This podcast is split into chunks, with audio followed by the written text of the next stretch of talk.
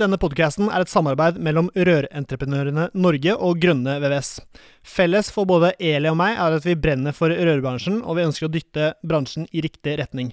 Men dette får vi selvfølgelig ikke til alene, vi trenger flere. Du kan bidra med å abonnere på podkasten, skrive en omtale i iTunes og dele denne med folk eh, du er glad i. Da setter vi i gang med ukens episode.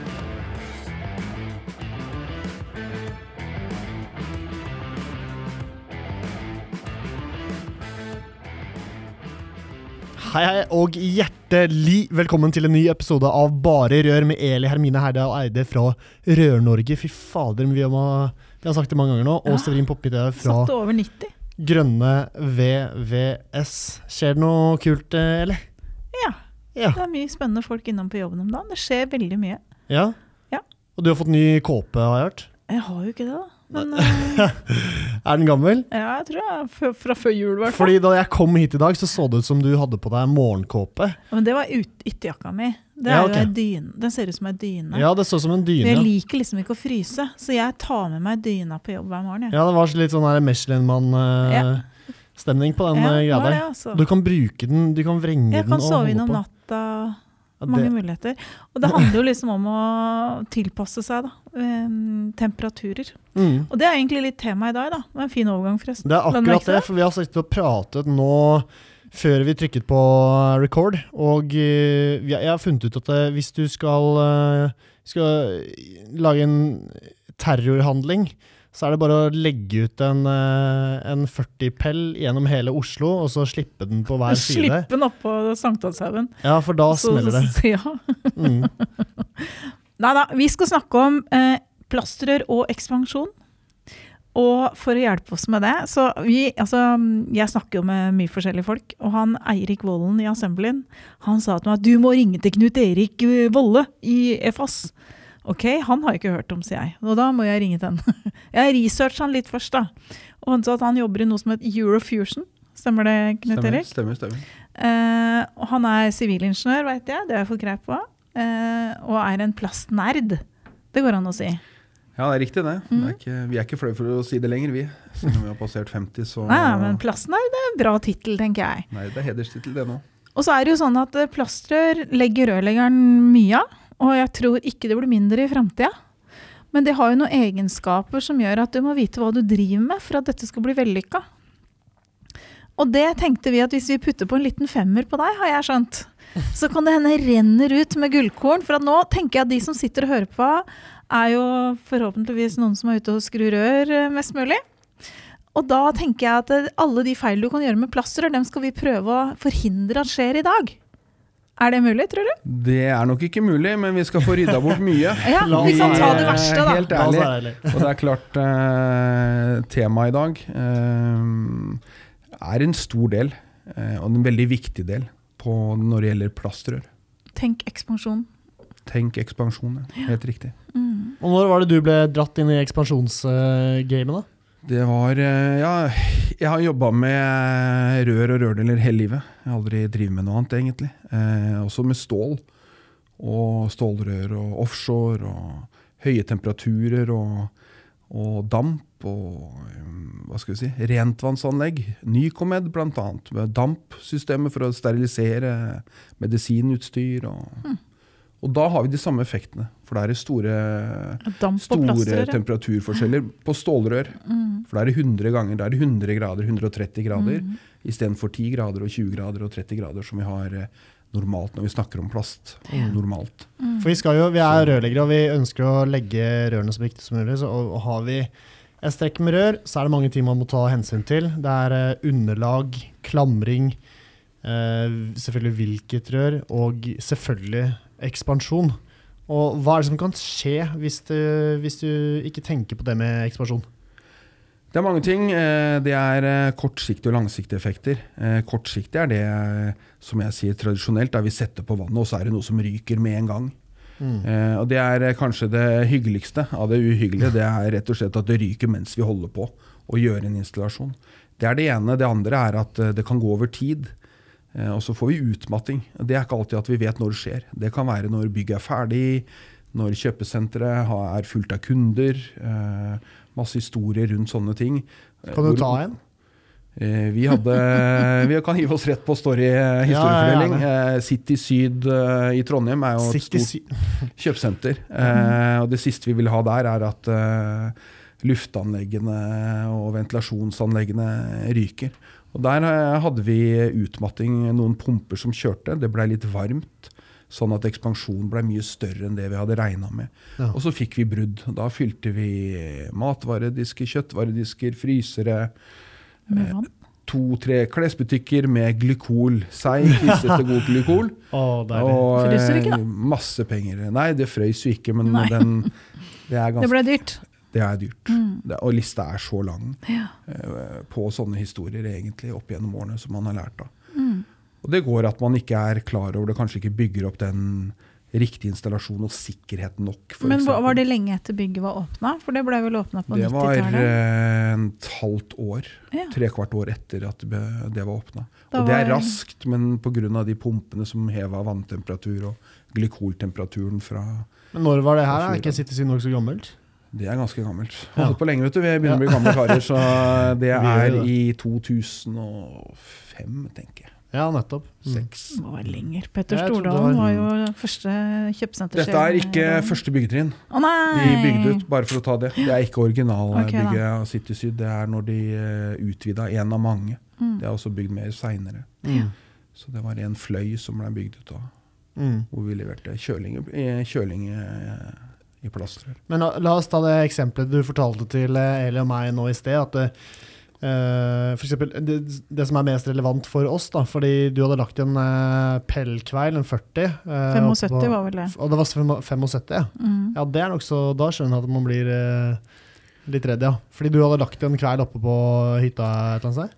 Vi er, vi er på fjellet, eh, på Blefjell. Eh, også ganske mange år siden. Eh, det må være 14 år siden, tenker jeg. 14-15 år siden. Jeg har drevet noen år i EFAS.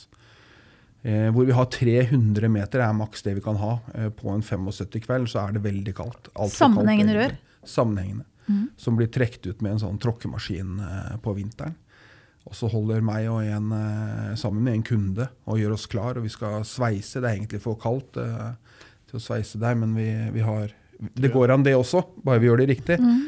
Eh, og så hører vi en sånn visling, susing, og så var det litt sånn Jeg tror vi slenger oss ned. og da kom hele det der trekkspillet gjennom skogen. Heldigvis var det skog, ikke Det var noen trær som dempa Da var det f den endte opp i trærne til slutt. Men da har den løsna da, i den enden som han, dere begynte å legge?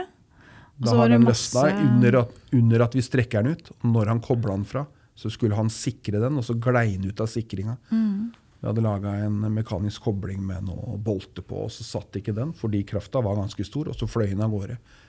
Med den mekaniske koblingen bakpå, så vi hadde sånn lodd på ni kilo som blei med innover i skogen. Den er fin. Så den slo jo i alle trærne og rista all snøen. Så vi så bare ei snøføyke, vi, og så roa det seg ned en 30 meter unna. Ble det elgstek til uh... Det ble ikke noe elgstek eller noen ting, men uh, vi ble litt varmere i panna. Og så var vi litt nøyere med hva vi holdt på med de, med de kveilene den, den gangen. Og Ja. oppe på det anlegget, For det var lange strekk. Og veldig mye krefter. Mm. Det, er mye, det blir jo som en fjær, Mm. men litt sånn rundt det der, eh, hvilke egenskap det også er i plasten. Mange tenker ikke på plast med krefter. og den der. Ja, for plast høres jo liksom litt sånn forsiktig ut. Uh, Ja, det er bøyelig men og altså, Det er jo veldig, Mm. det er fleksibelt, og det er mange fordeler med det. Så tenker jeg, hvis du da får produsert en kveil med rør, da, så skjer jo det til på en eller annen temperatur. Den ligger jo på et lager, enten inne eller ute. Sola kan stå og steike på den. Eh, og, bli, da, og de røra er jo alltid svarte, er de ikke det? Jo, det er det. Da blir vi jo veldig vi, vi har jo alle prøvd å gå med svarte klær. Det er en, sikkert en grunn til at sånne som bor i ørkenen, går i hvite, flagrende gevanter. For at det trekker ikke så mye varme som et svart plagg ville gjort. De har nok lært av det, der, ja.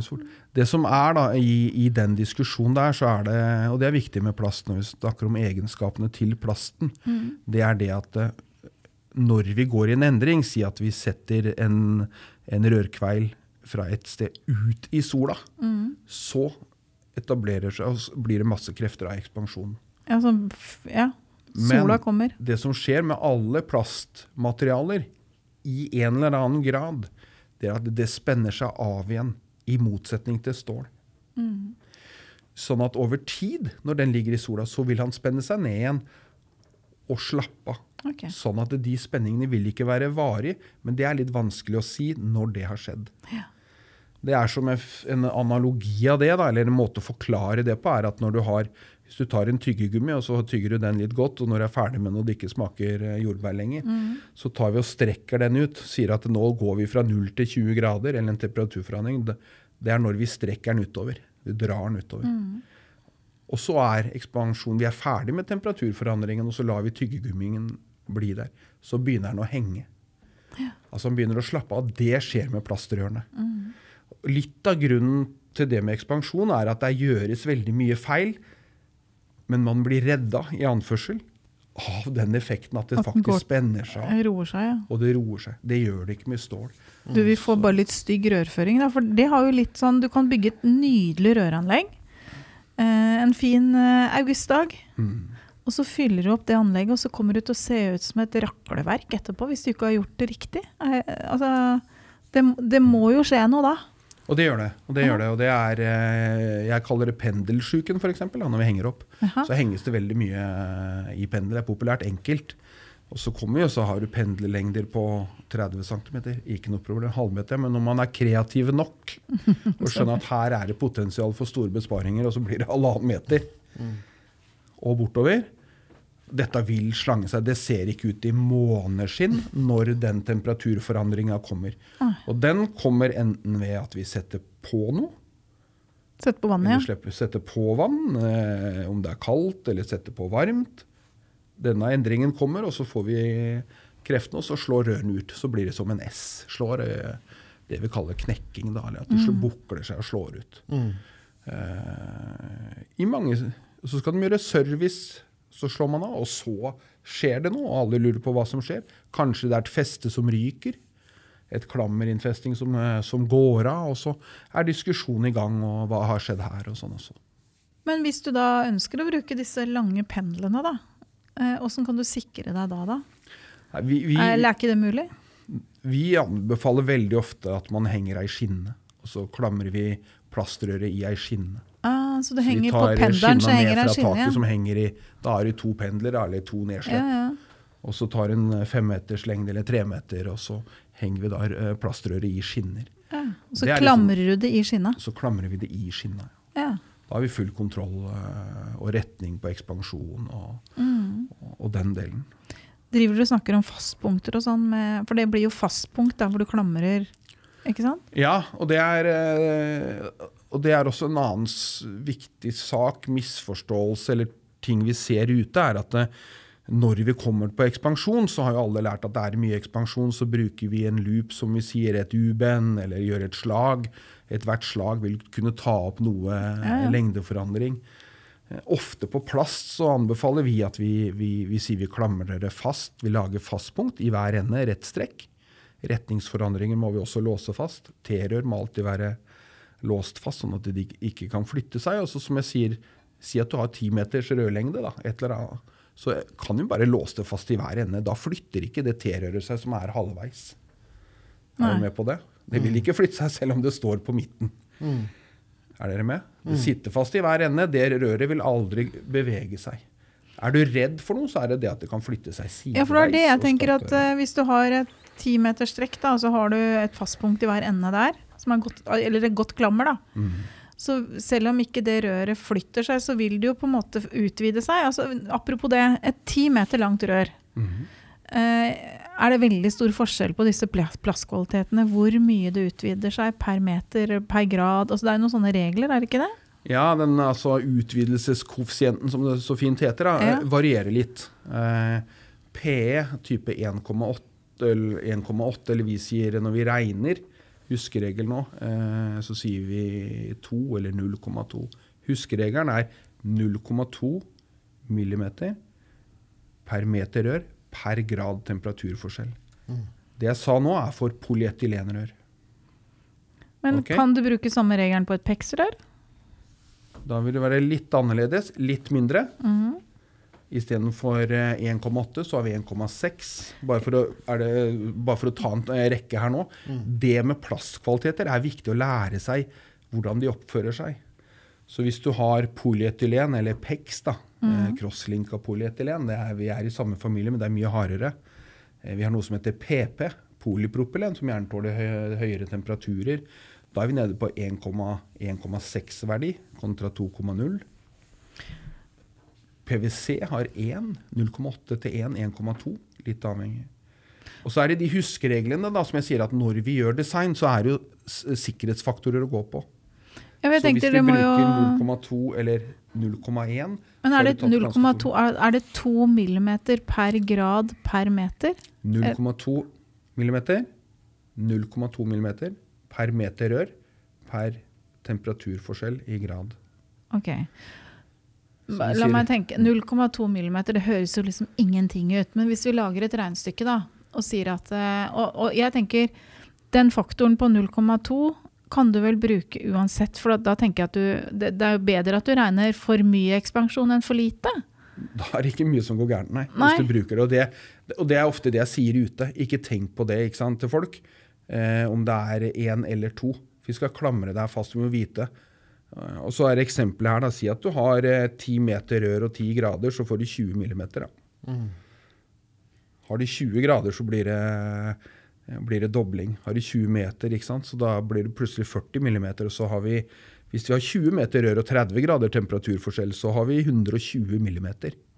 Altså 12 centimeter. Det er mye når du står inne i et bygg for eksempel, og kikker.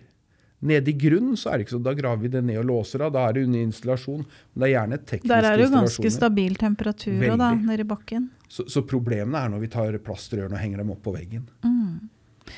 Ja, altså det hender jo vi kjører varmere vann enn 10-20 grader også. Mm. Sånn, hvis du tar varmt vann, da.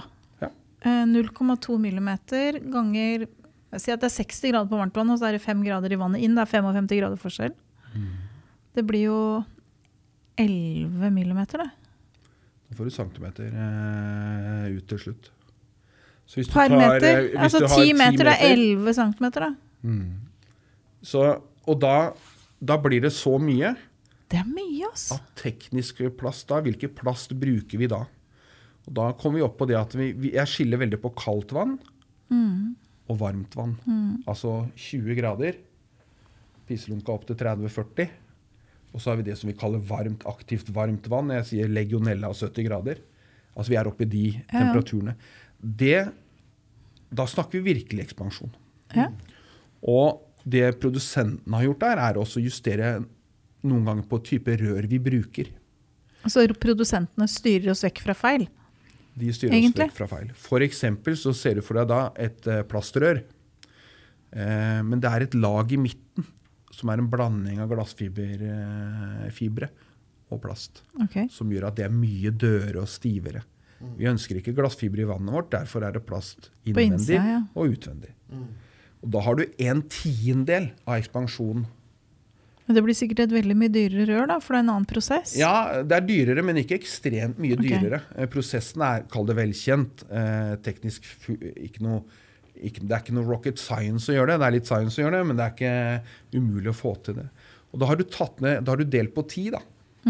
Som betyr at da har vi gått fra 7 grader til 70 grader. Altså vi har kompensert rørdesignet, så vi begynner å nærme oss litt i samme verden.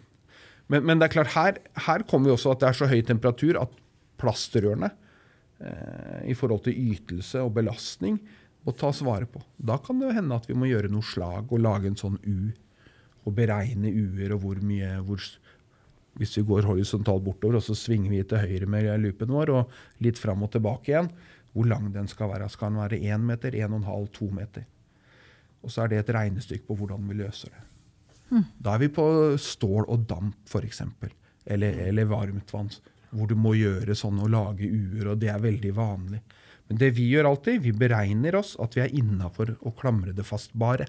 For det er det enkleste og absolutt billigste. Enn å slippe å lage disse glideklammere og bevegelige og uer og ta ut plass, og særlig på bygg. En fabrikk kan det være enklere.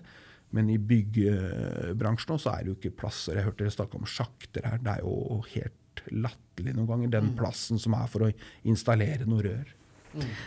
Men jeg tenker sånn, nå snakker vi om plast er plast. Men kan ikke du snakke litt om forskjellige, for dette kan tydeligvis du noe om, forskjellige plastkvaliteter som rørleggeren kommer borti. Fordi at eh, Hvis jeg hadde vært lærling nå, så hadde jeg bare tenkt at plastrør, ja, pekserør, det er sikkert plast. Men P-rør er sikkert plast. Men hva er de forskjellige tinga? Hva bruker man forskjellig plastkvalitet altså sånn, Du bruker jo blue pipe og green pipe sikkert for armatur, Jonsson, ikke sant? Det er jo rør som mange kjenner til. Og det er jo de samme utfordringene der. Og det, Eh, og det er riktig. Og, og kan vi du bare si litt om forskjellige plastkvaliteter? tenker jeg hadde vært litt gøy å ha hørt om. sånn Helt sånn basic. Mm. Hva, hva må du vite som rørlegger om plastrør? Da er det viktig å dele opp. Mhm. La oss ta varmt kaldt først, da, for det er jo veldig sånn bruksretta deling. Nå snakka dere om eh, blue pipe og green pipe og det vi kaller grønne rør, som er én kvalitet, én verden, som er høy, høy temperatur normalt. Og så brukes det som med oksygenbarriere, andre varianter av det også, men sånn, hvis vi skal dele det i noen familier, da. Eh, det er polypropylen veldig ofte. Aha. PP heter det materialet. Eh, disse kveilene, pell, da, som er gammelt navn, det brukes ikke, nå heter det Pell PH. het, ja, for når jeg var ung, så la vi pell. Da la vi pell, og det er sykkelslanger. Det er mykt, det er en veldig eh, Strekkfastheten var mye lavere da, så det er mer slange enn det. Derfor pellslange. Nå er det samme, nå heter det PHD100. eh, Høy tetthet, high density, bla, bla, bla. Men de er mye stivere, hardere og tåler mer trykk. Type 16 bar er jo en klasse. Så hvis vi deler det, så tar vi med oss alle de klassene, altså polyetylen, som er vannforsyning. Eh, bruken. Og så har vi PP og den varme siden. Så har vi PwC. Brukes også. Vi har jo PwC for å levere i vann og avløp. Både trykksystem, det vi kaller trekkfaste løsninger. Eh, Vi har PwC på avløp. Altså kloakk og den delen. Ja, de derre oransje eller Oransje. Da har vi rødbrune rødbrun, røra. som jeg sier. Da har Ja. de juksa med PwC-en så han er, blir mykere. Ja. Men grunnen til at den er rødbrun, er for at du skal kjenne igjen det røret i sjakta, eller er det noen annen grunn? Det er det òg, å skille på farge, for det er jo, det er helt avgjørende. At vi kan eh, skille de klassene. Mm. Ikke er den, bruke samme rør på den er også ovan og mykner i, så den tåler å bli kald. Ja, så Finn det om vinteren da, når du skal være rørlegger om vinteren. Ja, da hjelper den i hvert fall. Mm. For vi har også den grå PwC-en, det vi, eh, vi som eh, er helt plastnærer. Ekte PwC er jo grå, som vi sier. Okay. Vi har ikke tulla med å lage den oransje. Og det fins også som trykkrør. Ok. Ja. Og som blir veldig sprø. Så hvis det blir minusgrader her, og du slår på den, så knuser den i tusen sånne små, skarpe biter. Sånn Men er det så enkelt at uh, alle rørene er fargekodet i forhold til uh, hvor mye det tåler osv.? Eller er det fargen egentlig helt uh, tilfeldig? Nei, den er ikke tilfeldig. Nei. Eh, både bruk, altså for polyetylenrør, så har jo vi sorte rør, vi, for vi driver med trykksystem eh, innendørs, kall det det. Mm. Tekniske rom og sånn. Vi, det er ikke alltid vi vil ha blå stripe eller rødbrun stripe. Blå er jo for vann, og rødbrun er for, eh, for eh, avløp. Eh, og så har du gule striper for gass. Det er ikke så vanlig i Norge, så vi har ikke noen relasjon til det. Så hvis du treffer et gult rør i ei sjakt, så er det et gassrør. I, normalt sett så kan det tyde på at det er et gassrør. Og så er det sånn at vi har gass i grunn, og så har vi gass over bakken. Så hvis du møter et plastrør for gass øh, over grunn i en bygning, så er det noen som har gjort noe feil, for da må vi bruke metall. Mm. Her, og her er det masse klasser, så det som er viktig her nå, er med alle de plastkvalitetene, så har vi CPV, eller PwC. Og for at den skal tåle varme, vanlig PwC er som P kanskje litt høyere, 40-50 grader, så mister den ytelsen sin trykkmessig. Mm. Så hiver vi noe klor oppi oppskriften på den, og så tåler den 90 grader. I verden, hvis vi reiser rundt på sydenferier og alt, så ligger det en sånn lysegrå rør. Og det er da Det er PwC. Ekte PwC, da. Det er eh, juksa PwC som tåler varm, eh, varm temperatur. Den er litt lysere. Å ja. Så når jeg løper rundt på ferie med familien, så er jo de fortvila. For for du- fordi bare ser på plasteret?» «Å, Ja, og jeg ser og kikker i, i Paris og stopper og ser ned, ser ned i grøfta, det er Eiffeltårnet der. Så har vi bilde av at far står og ser ned i en grøft. Har du utvikla sånne yrkes... eh, Jeg kaller det egentlig ikke yrkesskader, da, men burde egentlig kalle det yrkesfordeler. Har du Ja, ja. utvikla noen sånne? Ja, definitivt. Hva er dine, Severin? Nei, det er jo bare at jeg titter rundt, og jeg har jo helt eh, konsentrasjonsvansker fra før, ja. Og, og dette hjelper Og så kommer det masse fine rør som Ja, er tilgjengelige, som ja, du ja, kan du se på. sitter jo, og det som er morsomt, er jo i Oslo helt sikkert overalt, så har de jo åpen eh, De har ikke noe De har åpen rørføring i taket, da, så du ser jo alt som ligger der. Mm. Så da blir du jo sittende Blir med sittende hodet og- bak i Ja. nakken opp, og se, se opp. Men det var gøy, fordi jeg var på en um, kaffe og en, da en eh, Det var en date. Det var en Ja, kall det gjerne en Ja, date. det var nok det, ass. Nei, det var ja, på en måte, men det var med en eh, um, Jeg traff um, som nettopp har startet et uh, sprinklersertifiseringsfirma. Mm. Uh, så vi traff hverandre på søndag, og så hadde vi en liten uh, prat. Og da endte vi med å se rått, rett opp i taket og diskutere sprinklingen og hvordan det var, eh, var gjort. Og det var jo på en kafé, og der var det jo ikke noe himling, så der var det bare å sitte og diskutere da, hvordan det var, eh, var utført. Det var nokså bra, faktisk. Jeg var på venninnetur i utlandet en gang, og så var alle damer er jo på do sammen. Og så var jeg sånn eh, ja, Vent litt, forresten, jeg skal være opp på doen her, sier jeg. Og jeg klatra jo opp på doen, for det var jo himlingsplate, Du klatra opp på doen, Jeg sto opp på doen. ja, med høyhælte Ja, selvfølgelig. Ja. Eh, og så Hva er det du skal, da, sier hun ene da. Nei, jeg skal bare se over himling. Ok, hvorfor det? Det er noe rør her. Og da tror jo folk du er litt skada. Men jeg har lært veldig mye av å se hvordan jeg ikke ville gjort ting. Og du får jo på en måte litt sånn innblikk i ting, da. Når du Det er jo, er altså sånn. Over himlingsplatene så ligger det jo alltid Veldig mye rart. Ja, pornoblad eller eh, Det har narkotiske aldri stoffer. sett. Jo, jo, jo. Jøss. Yes, nei, det har jeg jeg legger aldri mine, i hvert sett. fall. Ja, nei, jeg har aldri lagt pornoblad på Det er viktig å huske at dette er jo kronisk, og det er uhelbredelig. Ja. Det andre rundt òg. det jo en Det finnes ikke noe kur for det her. Det kommer aldri over den, den eh, interessen og det vi har hatt. Som jeg sier, den nerdinga er jo Det er en del av faget. ja. Eh, tror det, er mye, ja, det er mye sunne nerderuter som bryr seg om faget sitt og er veldig interessert, og det opplever vi jo ute. Eh, på ja, F.eks. ekspansjon. Da, som Vi ender opp med en lang seanse rundt alle detaljer. ja, det er på samme måte som alle advokater leser seg i hjel på andres uh, saker i avisen og sånn, så driver vi og ser rundt på hvilke andre jobber eh, andre rørleggere har Hvordan andre har gjort det. Ja. Mm. Jeg er litt sånn som det, Nå er det heldigvis ingen venner av meg, håper jeg, som hører på denne podkasten her. Men alle jeg kjenner som jeg har vært hjemme hos, eh, aner ikke det. Men jeg har jo sett under skjervannskapet hos alle sammen når jeg er på det, ja. Det blir jo sånn. Men det du burde gjøre, det er å kjøre et lite rørleggershow. Hver gang jeg er på fest, gjerne inne i Oslo, for der er det mye lættis. Uvitende eh, mennesker. Ja, det er det òg, men jeg tenkte på rørføringen, som også er sånn, lagt til litt uvitent. Mm. Men, eh, men da tar vi en gjennomgang på sprinkleranlegget, rørene på badet, hvor du kan stenge vannet, fordelerskapet, hva som er dårlig og bra med det. Og du aner ikke hvor mange ons du får ut av Jeg bare tuller. Men uh, du aner ikke hvor mange som faktisk interesserer, deg, interesserer seg for det greiene der. ass. Så det kan jeg anbefale. Men da kan neste tema Du må bli være det. åpen om denne sykdommen, eller? Ja, jeg, jeg, jeg anbefaler egentlig, jeg har jobba med lærlinger i mange år, jeg anbefaler denne sykdommen som en sånn preferert uh, yrkesskade som det er fint å få. Um, men ref da det med ekspansjon, da. Uh, det der at du um, da setter deg ned altså står det, Jeg tipper at det står litt inn i rørhåndboka vår eh, om ekspansjon, eller om plastkvaliteter. Og hvis det ikke gjør det, så skal jeg sørge for at eh, Henrik også tar en prat med deg. For det er viktig at eh, rørleggeren forstår hva slags forskjellige plastkvaliteter som finnes der ute. Du skal ikke kunne alle detaljer om alle. Det er noe som heter lambda-verdier, det er mye sånne greier som du som rørlegger egentlig kan glemme. Og bare vite at det har vært noen andre som har tenkt på det.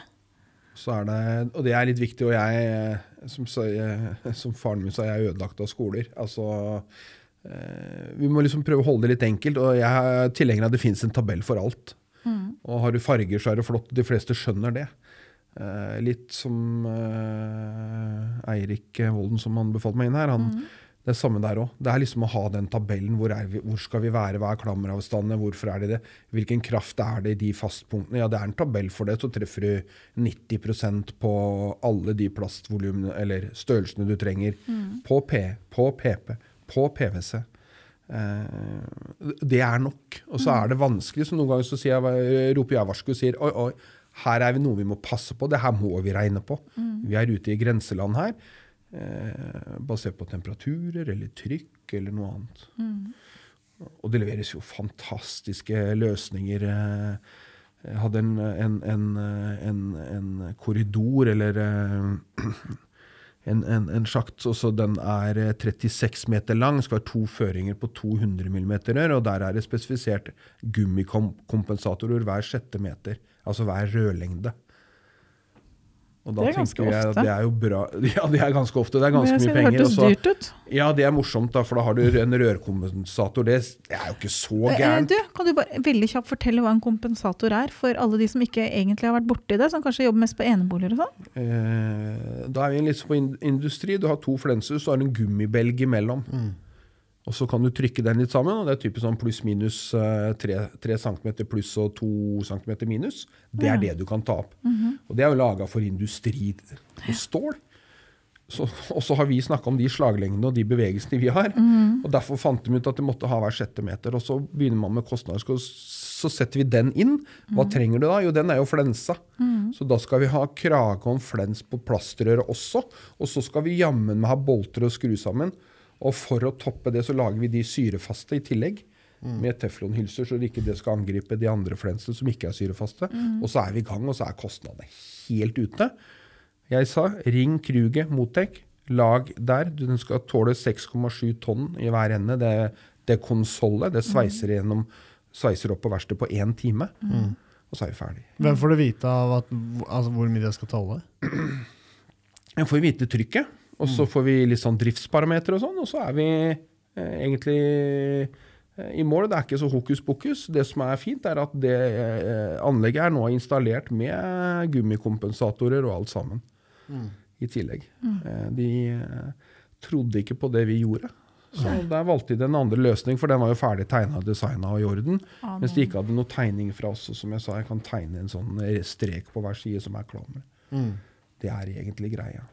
Så, så, så igjen, det er, eh, det, er, eh, det er flere trillebårer med frustrasjon og ting som vi gjerne er kunne tatt opp. Men hva er den mest typiske hva er liksom, hva er det Når du tenker sånn dette er det rørleggeren gjør mest feil. Eh, 100 da, det er eh, gummiklammer. Klammer med gummifòring eh, på hver eneste. Eh, klammerlengde 1 meter, 1,5 meter, 2 meter. Og så lager vi bare masse fastpunkter på hele røret. Istedenfor det som er riktig, er å sette fastpunkt der vi vil ha de, og kun der. Og så har vi klammer som bare henger løst på røret. Det er bare for å styre Helt riktig. Og som jeg sier, det er kun for å holde det på plass, og ingenting annet. Risikoen med disse gummi er at vi vet ikke hva som skjer. Hvor blir det av kreftene? Eh, Det kanskje hekter seg opp i et klammer, og så kommer det opp på et visst nivå, og så gir det etter. Og så slår det videre. Og så som jeg sier, Det er litt sånn som eh, hvis vi ser for et klammer i taket, da, det er, eller en pendel. da. Så begynner vi å dra i det ene, og den tåler ett tonn, og den drar vi jo med 1,5 tonn. Ja, Da løsner jo den ene, da. Ja, Da går vi bare på neste klammer, da. Løsner denne, da. Og festet så løsner den også, og så går vi. Mm, Det er jo det som skjer, vi får ikke fordelt de kreftene. Og det kan skje med at du lager masse fastpunkt, så får du da krefter som begynner å opptre der du ikke vil at de skal opptre. Så det du sier er at hvis du bruker et klammer med en sånn gummipakning inni klammeret, så vil det på et plastrør oppføre seg som et fastpunkt. Min erfaring er det, fordi hvordan skrur vi til det? Hardt som faen. Få høre, Severin, Ja, du som er på de musklene. Ja, det, det, får det er å å- Jeg vise- kjente det når jeg hilste på deg òg. Det er nemlig det. Det er lyden av den, og det er Du liker liksom at Du det på drillen. Ja. Og når den Og kanskje det sier tikk, tikk, tikk når Ja, den momentgreia, for den hadde du ikke stilt inn allikevel. Når den slår inn, da er det bra. Ja. da det var jo sånn i gamle dager at det hardere du tok i, det mer Ja, tett det. trodde du det blei. Det er det du. fortsatt. Og det er ikke, det er ikke suksess på plast. Nei. Nei. Men, men det Det- du sier er da at det, hvor ofte skal det altså, er det, det klammeret da, med denne gummipakningen i, det kan f.eks. være egnet til å bruke i forbindelse med et T-rør som skal gjennom en vegg, sånn at det blir et fast punkt. Da kan du Fordi på et T-rør så klamrer vi på hver, eller på tre steder. Ja, for Det er også viktig å huske, for det har jeg sett det har blitt synda mye mot. Og det er, eh, Ofte så setter de bare på to. Det er ikke alltid det er løsningen, altså på hovedstrekket og ikke på bransjen. Men du må ha, det du må gjøre, er å låse på hver side. Det holder ikke eh, Et fastpunkt må gå mot en kant av et eller annet. Det nytter ikke bare å ta gummien og så bruke friksjonsevnen til gummien, Nei. og så presse og klemme den hardt rundt røret. Da har du ikke helt Men- kontroll. og Det som ofte gjør at Dette er jo et plastrør, så du gjør jo plastrøret mindre også, så kan du få utmatting. Ja. Så Vi gjør gjerne det, eh, hvor du har en, en eh, kobling. Si at det er en, en elektromoffeskjøt, eller så setter vi den på hver side. Eller i midten, mellom to moffer, eller, og lager de. Og den, det klammeret klemmer ikke på røret, det holder bare det aksielle på plass. Du er med? Ja, altså det aksielle igjennom. det, Ja, du sørger bare for å Så går rett styre røret. Det er ikke noe Nei, stopp, liksom. Og tar opp kreftene med at det møter en kant. På store dimensjoner så lager vi våre egne. Til og med altså, som det er et maskinert spor i. Mm. Hvor vi setter på, Nå snakker vi om type 120 mm, eh, 16 mm eller 12 mm tykt syrefast. Altså store klammer. 500 mm, 600 eh, trykkrør. Eh, hvor, vi har massive installasjoner hvor vi er nødt til å gjøre det. Og vi snakker om tonnevis. Som jeg nevnte her, 20 grader gir deg en eh, mye var det fant ut av en 20 tonn på et STRL-rør. Så en kla klassisk feil er da gummiklammer. Ikke Mm. bruk det mer enn der du skal bruke det. Så, så alltid sette ned og så finne ut hvor er det lurt å sette fastpunktene. Hvor er vi møter, hvor har vi masse retningsforandringer, hvor skal vi gjøre det? Og så lage en, en strategi på hvor vi skal gjøre det. Og det, det, det, gjelder, det gjør man jo da på teknisk rom på varmt vann på stål også. Men vi bruker ikke så mye tid på det som heter glidere, og at ting skal flytte seg og bevege seg. Da vil vi heller låse det fast. Blir det veldig høye temperaturer, det betyr at eh, røret blir så varmt. Det er som du har vann i vaskebøtta di. da. Det er jo polyetylen, f.eks. eksempel. Vaskebøtte er det, ja. Og vi vet hvor myk den blir når du, ikke kan, ikke sant? når du nesten ikke kan ha vaskehansken på hånda nedi. Hvor myk den blir. ikke sant? Og det er sammen, Da beveger vi et område hvor plasten blir så myk at det er ting som kan ryke av kreftene som kommer i ekspansjon. Og det er som jeg sier, Når vi passerer 40 grader på polyetylen, så vil jeg gjerne vite litt mer hva vi holder på med, og hva vi tenker. Ja. Og 50 grader. Og, og så har vi gjort helt andre ting med 100 grader. F.eks. en fabrikk som slipper ut varmt vann, men i porsjoner. Plast leder ja, varme varmt, veldig kaldt, dårlig. varmt, kaldt, varmt, kaldt. Ja. Men da blir det bare som en puls, ikke sant? Og det leder varme kjempedårlig. Så hvis det står et minutt og renner der, det er derfor disse tynne PP-rørene og P-rørene på avløp som vi støper i dekker og sånn, det fungerer jo fordi det leder varme veldig dårlig. Så at hvis det kommer en sånn, som jeg sier, en bøtte med varmt vann, så rekker det liksom ikke varmen å sette seg. Det er ikke som i et stålrør hvor du, du ville kjenne det på Det hånda etterpå, momentant at det er 80 grader og brenne deg.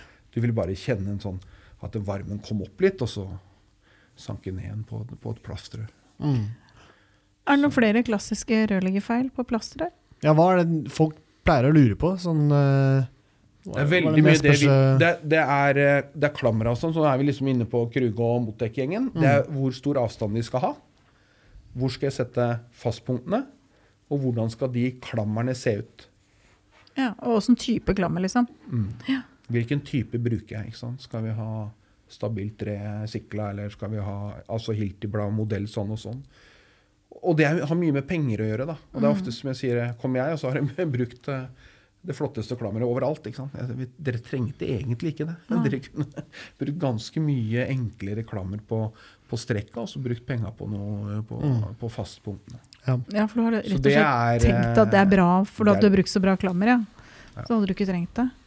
Men, Men- det er også noe som er helt ukritisk, og det er bare det billigste. Og det har alltid fungert. Og, ikke sant? Lykken står den heldige bi... Altså, det er, eh, det er det. Og plast Ja, hva skal jeg si? Det gir deg litt Det, det tilgir ganske mye gærent. Mm. Mm.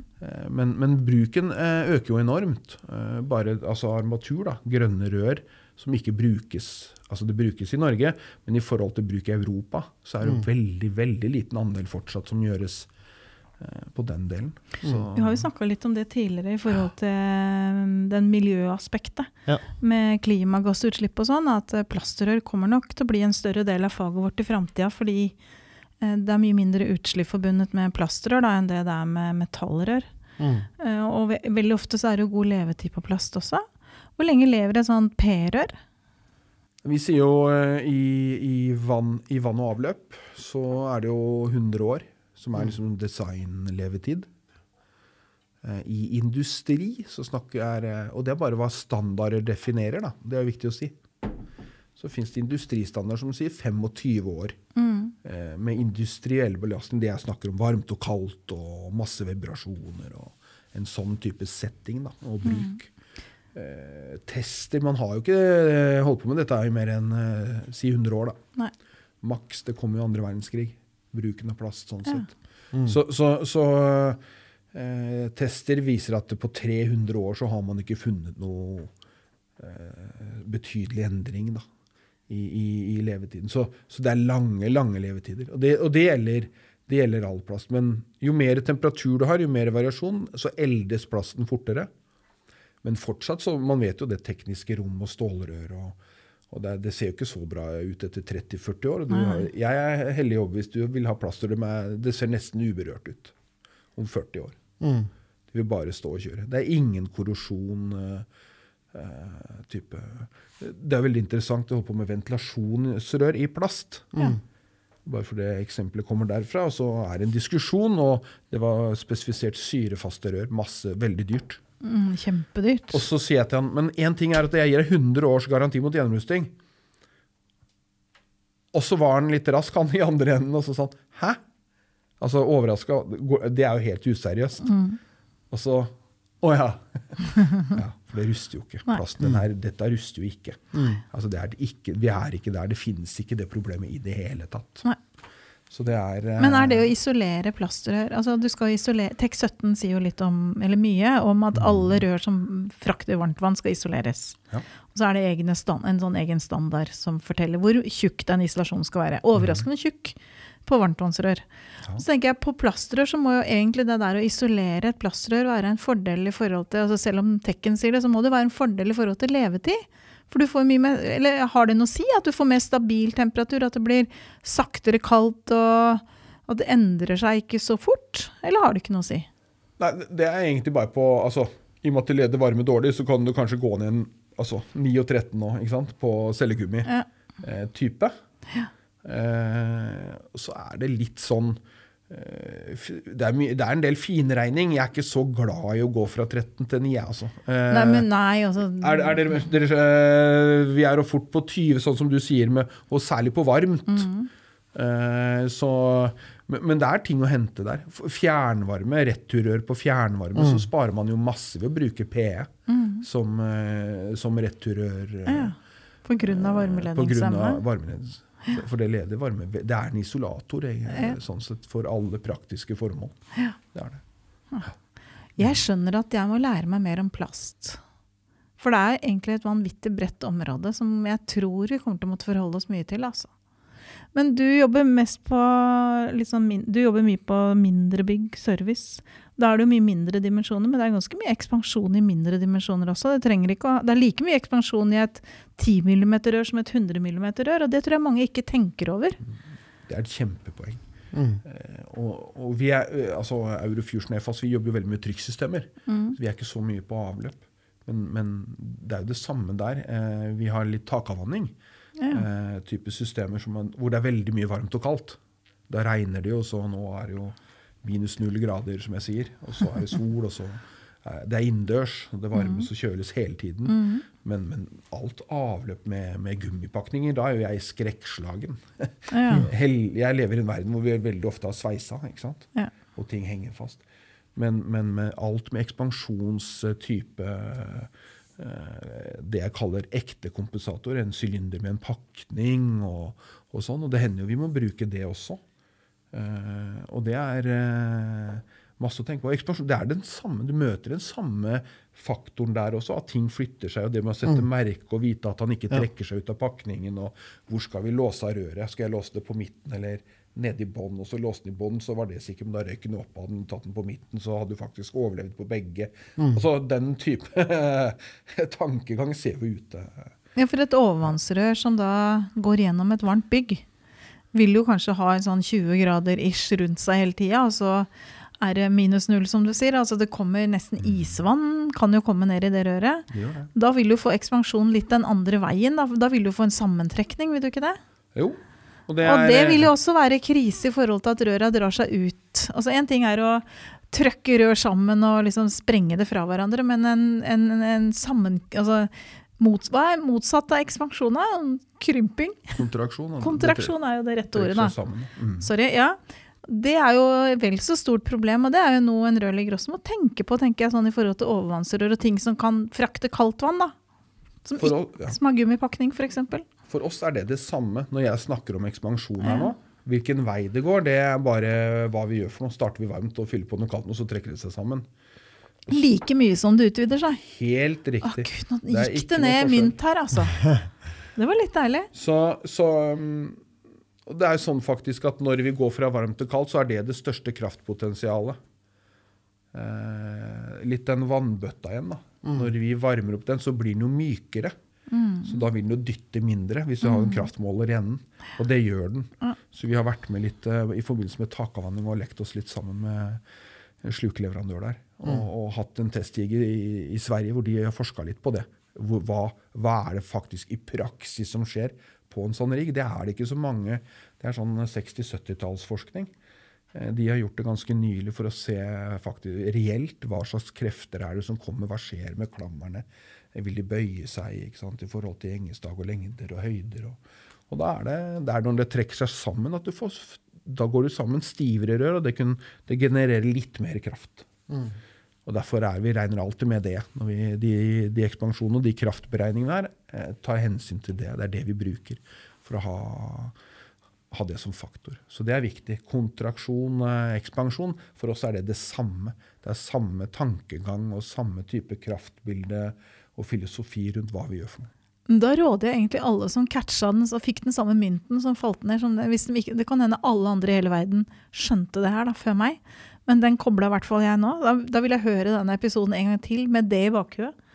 Fordi at det der med å tenke Jeg har, bare, jeg har alltid bare tenkt at ekspansjon er liksom øh, At det blir større. Men det er jo, som du sier, helt rett. Det blir jo mindre òg. Og det er et like stort problem. Ha. Det var litt Ja. digg å få den, altså. Ja, så bra.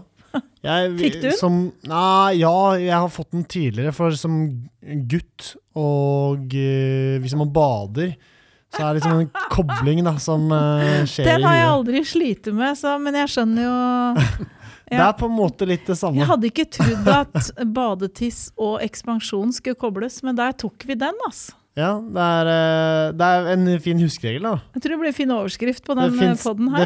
mange Det fins mange gutterørleggere, holdt på å si. Mannlige Ja, det er jo rørleggere, så- av rørleggere er faktisk menn, og Ja. de har da et forhold til kontraksjon.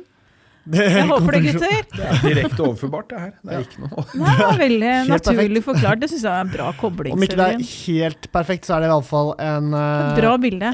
et bra bilde. Veldig bra bilde. Ja, det kommer litt an på hva um, Ok, men da tror jeg vi har fått uh, snakket uh, nok ja, om dette temaet. Kanskje ikke nok, men eh, vi burde kanskje ha den til, eh, om ikke Vi må nok snakke mer om eh, ekspansjon og kontraksjon. Og da spørs det hva vi skal ha bilde av, da. Ja, det er noe med det. Ja. For nå går jo alle rundt med det bildet i hodet. Ja. Ja. Men kanskje det er greit. Ok, tusen hjertelig takk eh, for at du kom i dag og kunne fortelle oss om eh, kontraksjon, eh, badetisser og alt. Ekspansjon. Ja, ekspansjon. Eh, det var veldig lærerikt. Vil du legge inn en liten salgspitch på, på slutten av episoden? Vi trenger ikke noe salgspitch. Vi, dere vet, Selger seg alle som kjenner oss, vet hvor vi er, og dere har hørt navnet, så ring oss, så skal vi prøve å hjelpe dere med, med det. Vi er stolte av å- å yte service og god hjelp. Ja, Det er veldig hyggelig. Det er jo du også. Ja, det er stas. Ja. Veldig gøy. Ja, supert. Da takker vi for denne tiden her, og så prates vi igjen om en ukes eh, tid. Vi høres. Hei. Halla, hvis du likte denne podcasten, hadde vi satt utrolig stor pris på om du abonnerte og gir oss en tilbakemelding i avspilleren. Eh, spre gjerne ordet videre til andre i rørbransjen som brenner for rørleggerfaget og er opptatt av å drive en seriøs rørleggerbedrift.